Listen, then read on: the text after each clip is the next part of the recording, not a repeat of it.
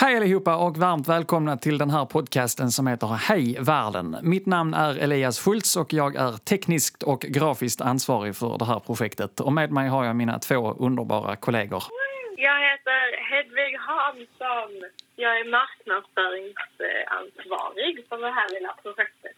Och jag heter Jonathan Pettersson och är ekonomiskt ansvarig för detta projektet. Och, och ni är med på distans för tillfället. Ni är med på, Ja. över telefonlänk eh, med anledning av sjukdom och eh, sånt. Men det ska nog gå ändå. Häng med!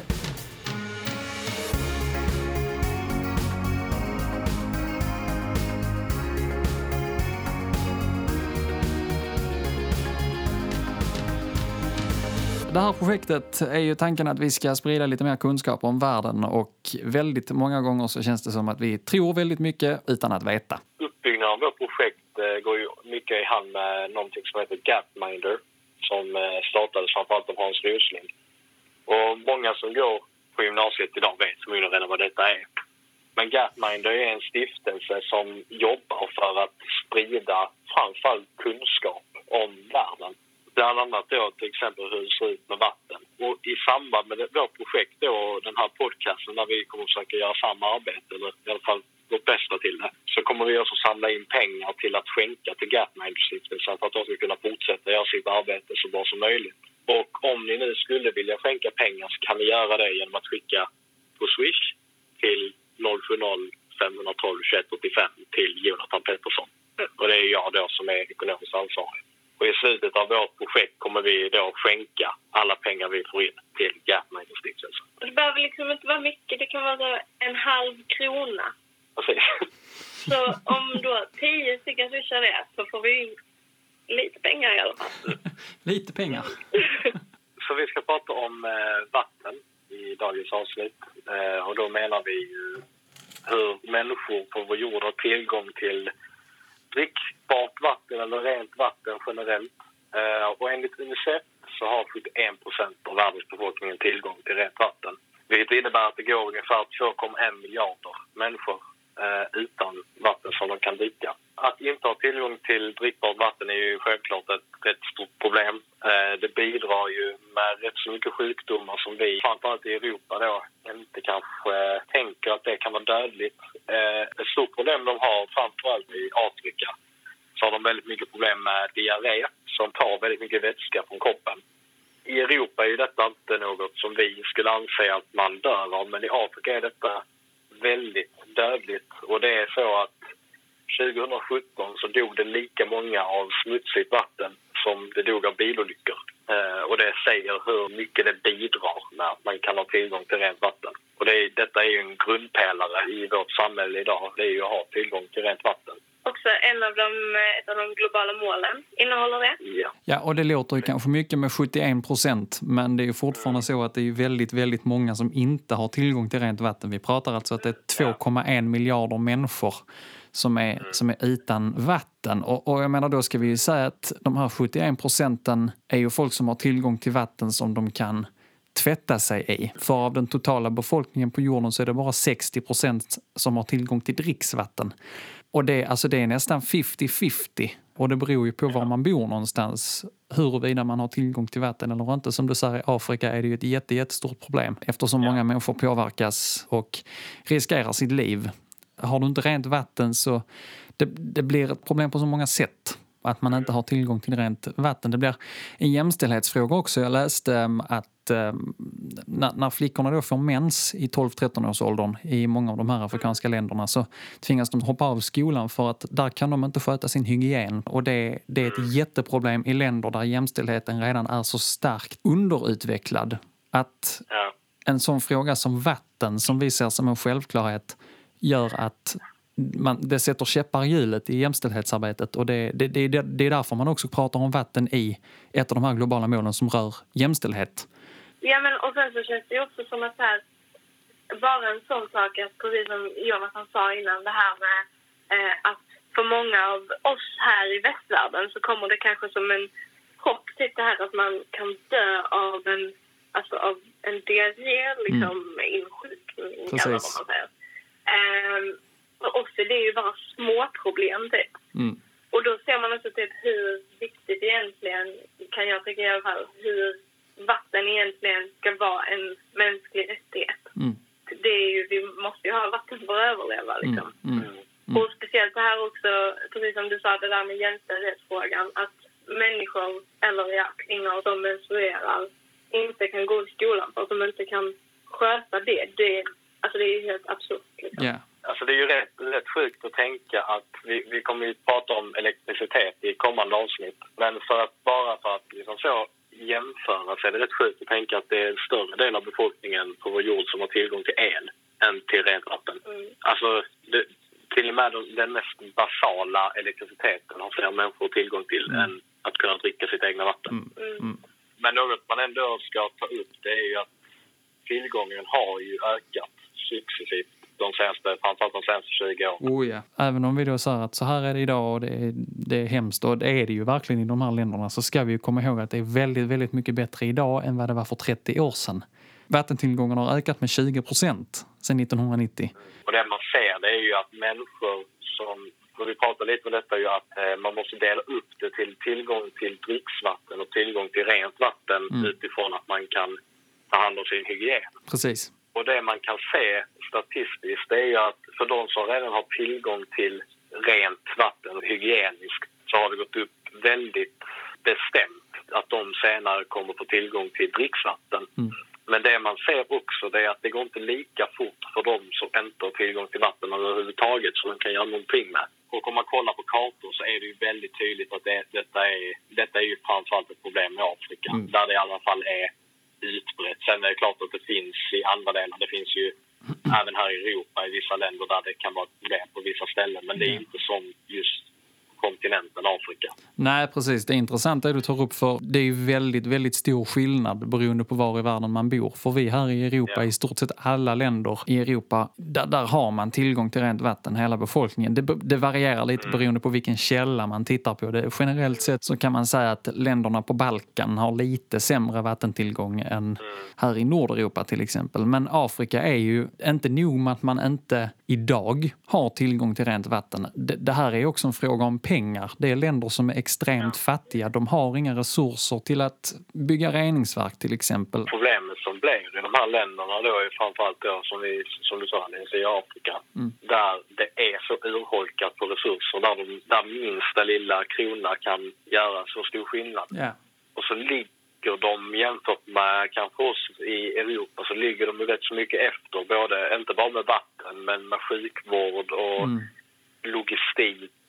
Därför är det blir rätt så svårt i, i de länderna. Var ska man börja? Mm. Det blir nog ett problematiskt när man om man nu ska satsa på vatten så måste man automatiskt ta bort från något annat som kanske också är minst lika viktigt. Mm. För vi vet ju inte alltså, hur det ser ut där. Man, Nej. Ja, men, och vatten är ju en så viktig fråga för att hela befolkningens överlevnad hänger ju just på vattentillgången. För det är som du säger att sjukvården den kräver att man har tillgång till vatten för vad är en sjukvård utan sanitet? Så det är ett extremt omfattande jobb som måste genomföras i de här länderna för att man ska kunna ge hela befolkningen rent vatten. I Tchad till exempel så är man ju, som, som rankades enligt Globalis i alla fall, eh, längst ner av alla länder i hela världen så, så är man ju inte ens i närheten av att ge en stor del av befolkningen tillgång till vatten. Så de är ju väldigt långt ifrån många av de här länderna också. Så det är inte så att man bara måste pusha det lite grann utan det är ett jättearbete som måste genomföras under väldigt lång tid framöver. Jag läste lite om hur det är.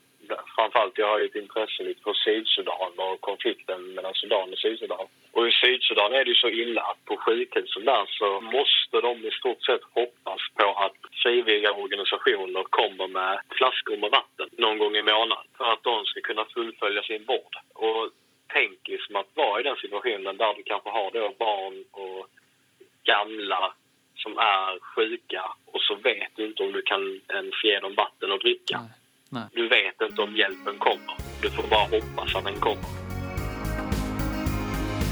Alltså, jag tänkte precis så här, att men, alltså, sjukvård är ju någonting som vi i alla fall i Sverige är lyckligt lottade med. Och att, att höra de här siffrorna, för jag tror att det här kommer nog inte, alltså till de som lyssnar, så tror jag inte detta kommer som ny information. Utan man hör det liksom, man hör lite där, man ser lite där. Men vad tror ni, för det är många som engagerar sig, men för när man hör detta så mår man ju typ dåligt. Mm. Men vad tror ni typ är anledningen till att alltså, det är inte fler som engagerar sig kring detta? Framförallt så tror jag att det har, med, har att göra med att det är ingenting som påverkar oss. Det ska rätt mycket till för att människan ska engagera sig för någonting som inte berör en själv. Det gäller alla politiska frågor. Varför ska jag bry mig om någonting som påverkar människor uppe i Sundsvall? Till exempel. Det är ingenting som påverkar mig i min vardag. Jag har tillgång till rent vatten. Jag kan stå och duscha varmt i 40 minuter om dagen om jag vill. Det, det är ingenting som påverkar oss men i Afrika så, så är det så väldigt, väldigt många människor som lider för att de inte ens kan ta en klunk vatten. Sen är det klart, man ska inte gå under och må dåligt för att andra människor har det dåligt. Tolka mig rätt. Man, man måste ju fortfarande ha rätten till att leva sitt liv efter de förutsättningarna man har. Men jag tror man ska veta att vi är väldigt, väldigt privilegierade här och vi ska vara väldigt tacksamma och veta att vi är lyckligt lottade. Men, men som sagt, jag tror att det, det har med det att göra. Och det är nog därför det tar så väldigt lång tid också. Eh, för att få till förändring eftersom ja, det gäller ju politiker i alla länder naturligtvis. Det, ibland upplever jag att politiker inte ens uppe i Stockholm inte bryr sig om vad som händer i Skåne. Varför ska de bry sig om vad som händer nere i Centralafrikanska republiken eller i Kongo eller Burundi till exempel? Jag tror också att ett stort problem är att vad människors syn är på Afrika i västvärlden. För det har ju blivit lite så att Afrika är ju lite typ problembarnet i världen. Om alla kontinenter är, skulle vara barn så är ju Afrika lite problembarnet. Där är, där är så mycket problem och inte bara med utveckling utan även med inbördeskonflikter och så vidare. Mm. Och jag tror någonstans att människor kanske blir lite mättade på att var, var skulle man ens börja? Mm. För där är så jäkla mycket att, att ta tag i. Och det, alltså egentligen så borde man ju bara känna shit, nu, nu ska vi hjälpa dem. Men det gör man ju inte. Man blir ju nästan bara trött. Typ. Ja, ja. Att där, är ju, där är ju väldigt mycket. Och det, det är ju fruktansvärt för de människorna som det handlar För det är ju inte, det är inte ledarna i de länderna som det är synd om. Utan det är ju människorna som är vanlig, vanliga jordbrukare Mm. och försöker gå i skolan och sånt. Då liksom tänker jag lite så, alltså, men tror ni att de här, om vi nu tar många av länderna i Afrika, om de kommer kunna lösa det här själva? Jag tror alldeles säkert att de som leder de här länderna i många fall, och vi ska komma ihåg att i många fall är det diktaturer vi pratar om i Afrika. Ja, de som styr de här länderna, de vet att tekniken finns. Men de väljer att prioritera annat. De väljer att prioritera att leva ett liv i lyx och överflöd. Eh, relativt sett alltså. Så om, om det nu ska till en förändring så tror jag dels att man måste se till att utbilda befolkningen. Att de också förstår att det här är inte så som tanken är att man ska leva som människa. Men sen är det ju det att pengarna finns ju inte i många fall i de här länderna. Det måste till ett engagemang utifrån. Och det är FN och alla hjälporganisationer som, ehm, som måste gå in där, tänker jag. Mm. Ja, jag håller med. Jag tänker alltså, människor i all världens tid har ju lärt sig att utveckla vad de behöver. Jag tror inte människorna i Afrika är ett undantag. Nej. Men alltså, jag, grejen är ju att... jag- Som, alltså, frågan var att om de hade kunnat lösa det själva. Och det tror jag. Men jag tror också att det hade tagit en jävla tid. Mm. Jag tror det hade tagit jättelång tid. För alltså, det är ju ingenting man löser över en natt. Och därför tänker jag liksom, det finns ingen anledning för dem egentligen att försöka lösa det själva om det nu tar sin tid. För att Nej. vi, de här hjälporganisationerna, FN och Röda Korset och allt vad det är, har ju till viss mån resurserna som krävs. Mm. Det handlar ju bara om att komma till skott och göra det och göra det på ett sätt så att det faktiskt bidrar, som du sa, att man utbildar befolkningen till vad som faktiskt finns. Mm. Att det finns, att teknologin finns där, Mm. där finns möjligheterna. Mm. Och sen, eh, jag läste lite om att de hade byggt, om, jag kommer inte ihåg vilket land det var i Afrika, men de hade, där de byggde ett, om det var ett reningsverk Mm. just för vatten och hur, hur det hade förändrat allt. Dels så skapade det ju en massa jobb Mm. till alltså, folk som fick en direkt yrkesutbildning om vad de exakt behövde göra för att hålla det här reningsverket uppe. Mm. Och där de helt plötsligt får lön och de får jobba och de kunde bygga upp skolor runt om där, så att de kunde få lätt tal på vatten och sjuk, sjukhus och vårdcentraler och så vidare och så vidare. Mm. Och hur, hur liksom, bara det att man kommer och bygger ett reningsverk och sen utbildar befolkningen att själva ta hand om det. Bara det räcker ju så långt. Mm.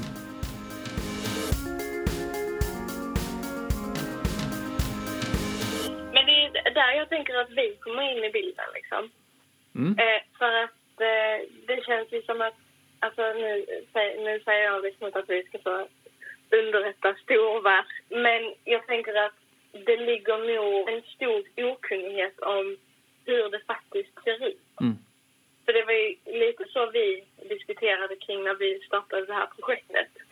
Alltså att vi tar upp de här, alltså de, de negativa grejerna eh, blandat med de positiva eller så. Att det har blivit bättre och så vidare.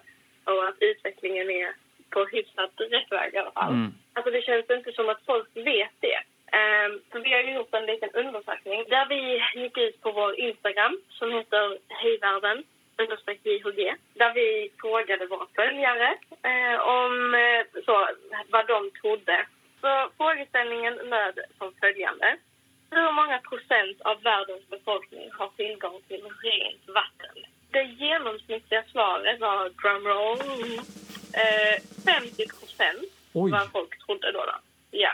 Så då innebär det alltså att om vi delar på vad jag nu har utgått från, att vi är 7,7 miljarder på jorden, så skulle alltså 3,85 miljarder människor eh, inte ha tillgång till rent vatten. Enligt då det generella, eh, den generella fördomen.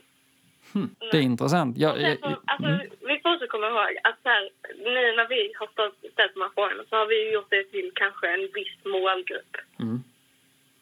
Så att det, det blir inte så representativt för att så bara, oh, vad hela Sverige tänker. Nej. Man, Utan det blir liksom vad folk i vår omgivning tänker. ja, man får ta det med en nypa salt. ändå, ja, men, och sen är det ju ändå rätt intressant för dem som, majoriteten av de som har svarat är ju ändå gymnasieelever. Mm. Det känns ju, ja, ja, om jag inte hade haft detta hade jag nog gissat ungefär samma. Men det är ju ändå rätt intressant att gymnasieelever idag i Sverige tror att ungefär hälften av världens befolkning inte har tillgång till rent vatten. Ja. Och varför det är så. Mm. Där är det ju ändå någonting vår utbildning missar. Ja. För egentligen, det hade ju innebär, vi har ju pratat om att det är ungefär 2,1 miljarder som inte har tillgång till rent vatten. Mm. Det innebär ju en ökning på typ 1,7 miljarder. Mm. Det är det. Och, och jag tänker lite så om, låt säga att det här är den generella uppfattningen att det är 50-50. Alltså då är det ju ännu konstigare att politiker och vanligt folk inte engagerar sig mer. Ja, Att man. Fortfarande då sitter och tittar på om man inte ens vet att aha, det är 70% som har tillgång, 30% saknar.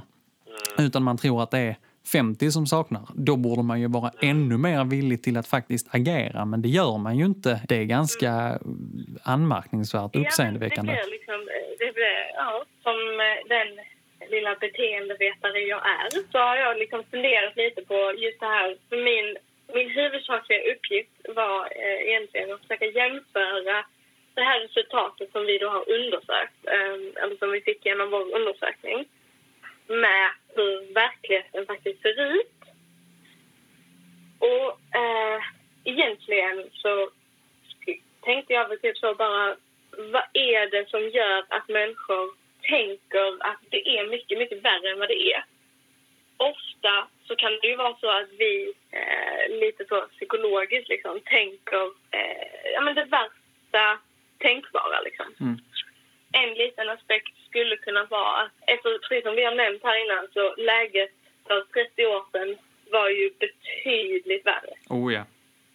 Eh, och då kan ju också en informationskälla vara ens föräldrar, till exempel, Mm. i, bland unga liksom, som växte upp för 30 år sedan liksom, och har varit med om den delen också. Därför så kan det ju vara liksom att de föräldrarna drar det som var för 30 år sedan till hur det skulle vara nu.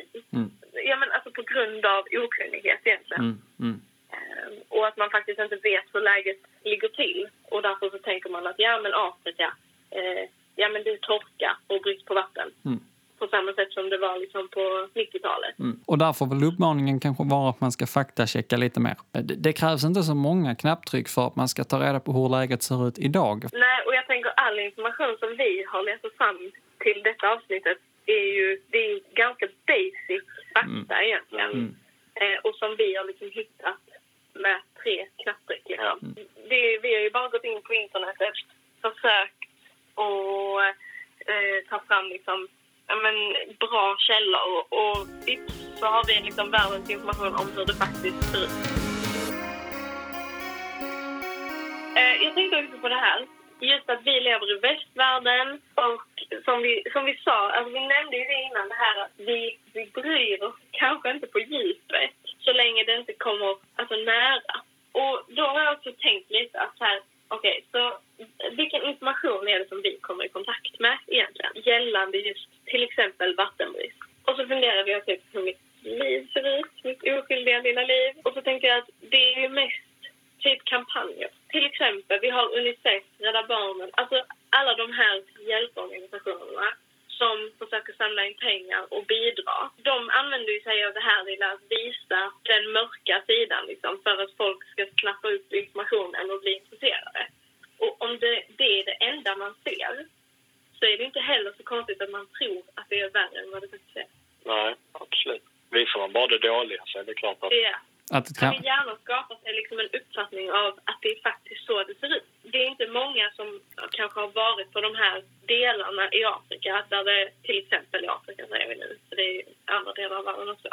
Men det är inte många som har varit på de här utsatta eh, vattenbristfälliga områdena.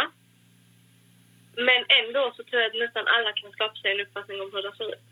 Mm. Så det ligger kanske ligger kanske lite på, på hjälporganisationerna också. Att ja, gå ut med information som faktiskt ger en rättvis bild av verkligheten. Mm. För det kan ju också tyvärr bli en negativ konsekvens. Att, mm. Som vi säger, om man, alltså många fungerar ju så att man, jobbar man för någonting och inte ser resultat så blir det ju, alltså då, då ger man ju upp. Många gör det i alla fall. Mm. mm. Om man inte är jävligt, jävligt envis. Men, och jag tänker att om man då bara matas av sån negativ information så kan det också vara en anledning till att folk inte hjälper till. Mm. Vi har faktiskt fått in en lyssnarfråga på vår Instagram. Den lyder så här. Är det sant att man inte kan dricka vattnet utomlands?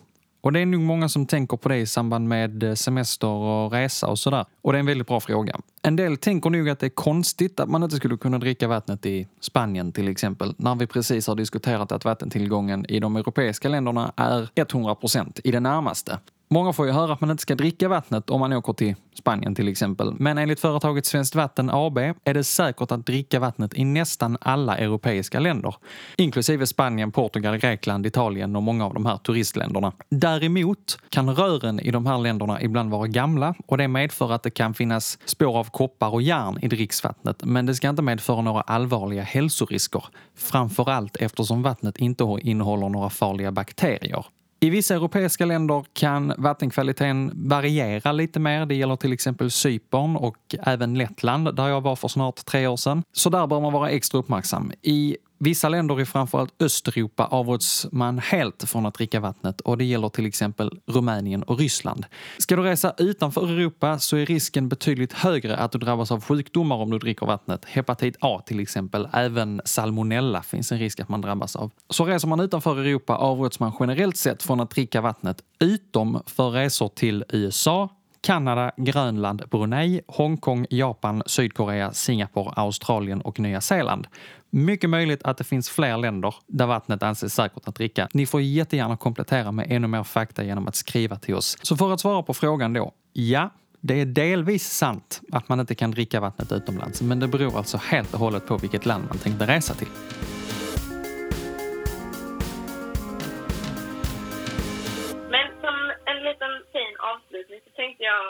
Nu har vi gått igenom lite historiskt perspektiv. Och har ni, liksom, har ni som lyssnare någon liten kommentar så får ni jätte, jättegärna eh, skriva till oss på DM på Instagram. Det hade gjort våra dagar mycket, mycket bättre. Vi kan liksom bara nämna lite och diskutera som avslutning hur vi tror att det kommer att se ut i framtiden. Men ska du börja då, Elias? Om vad du tror är... Um, oj. Det är svårt. Men eftersom utvecklingen har gått väldigt, väldigt fort framåt sedan 90-talet så någonstans är det ju så här, så som det är nu kommer det inte vara för evigt. Det gäller ju allting. Ett, ett land som är en diktatur idag kommer inte vara en diktatur om 100 år eller om 200 år. Bara för att det ser ut på ett visst sätt just nu betyder inte det att det inte går att ändra på. Och eftersom utvecklingen har gått väldigt, väldigt fort så inbillar jag mig att alltså, de här globala målen är ju satta till 2030. Jag tror att vi är på väldigt god väg att faktiskt ge bättre förutsättningar till all världens befolkning. Ja, som säger, det går ju ändå, alltså det går ju ändå framåt. Eh, och det har ju ökat successivt och det har ju fortsatt öka de senaste 30 åren. Mm. Eh, jag tror att det kommer nog bli eh, ännu viktigare i framtiden att man har tillgång till rent vatten. Eh, det, det är ju viktigt redan nu. Men med klimatförändringar och sånt och att det ser ut i alla fall som att det blir torrare Mm. i delar av världen där det redan är torrt Mm. så kommer nog behovet av att det faktiskt händer någonting bli mer påtagligt. För de, de människorna, alltså jag, jag tänker framförallt i de torraste delarna av världen där det är, är så här att svårt med tillgång till vatten, så är det kommer bli ännu viktigare. Både för liksom, jordbruk, men för att man inte ska ja, bara svimma. Jag vet inte, man, det gör man när det är varmt ju. Nej, men liksom där är det ju viktigt och det är ju viktigt generellt annars också. Så jag tror att, jag tror att behovet av att det måste liksom hända någonting kommer att öka Mm. de kommande åren. Och det, det tror jag kommer att bidra rätt mycket till att faktiskt göra det också. ja. Det är ju så, så som, vi, eller som jag hör. Det här att många säger att ja, i framtiden kommer det bli krig om vatten. Det är nästa. Och ja, det kanske det kommer att bli. Vi vet ju inte. Det, det är inte så allvarligt, eller? Det lät nästan så. Nej, men, nej, men vi vet ju nej. Men jag, jag tänker på att vi vet ju inte hur framtiden ser ut alls. Det som vi någonstans vill komma fram till, om, eh, och i alla fall min personliga åsikt om hur jag vill att framtiden ska se ut, är ju i alla fall att för att vi ska kunna lösa det här som man får ju ändå kalla de här vattenbristningarna liksom, för världsomfattande problem. Liksom, så behöver vi nog eh, skärpa vår kunskap lite. Mm. Eh, och inte... Ja, men, och ha det i åtanke hela tiden att det blir bättre men vi måste också jobba för att det ska bli bättre. Mm. Eh, och vi, mm, man kanske måste bidra någon gång då och då. Inte varje månad, inte varje år kanske. Men när man liksom... Man, alltså, för att det är ju en mänsklig sak. Liksom. Mm. Eh, så bli mer påläst om du vill hjälpa till. Ja, det var väl ungefär allting vi hade att erbjuda idag. Och som sagt, swisha gärna en slant för kunskapen till eh, Jonathan så kommer den gå direkt in till Gapminder och deras arbete för ökad kunskap bland världens befolkning. Det tycker vi om, eller hur? Ja. Absolut. Jag har en liten extra grej. Okej. Om eh, du känner att du vill testa vad du faktiskt vet om världen så har Gapminder eh, just det rätta testet för dig. Det är bara att gå in och skriva typ Gapminder test på Google eller något sånt. Så kommer det upp och då ställer de lite diverse frågor om... Eh, ja men alltså man får välja ett alternativ av eh, vad man då tror hur läget ser ut liksom. Eh, men de guidar er, så in och testa er. Och om ni inte skulle hitta testet så finns länken på vår eh, Instagram. Jag tackar så mycket för idag. Ja. Tack för idag då. Så hoppas vi att vi, vi kan vara med allihopa på samma plats vid nästa tillfälle. Ni får hålla utkik i våra sociala medier efter kommande avsnitt så ses och hörs vi. Skicka gärna in era frågor på vår Instagram, DM oss där eller så skickar ni ett mail till oss på hejvärldenjhg@gmail.com. Mailadressen finns också på vår Instagram. Tack för den här gången. Tack, tack. Vi hörs!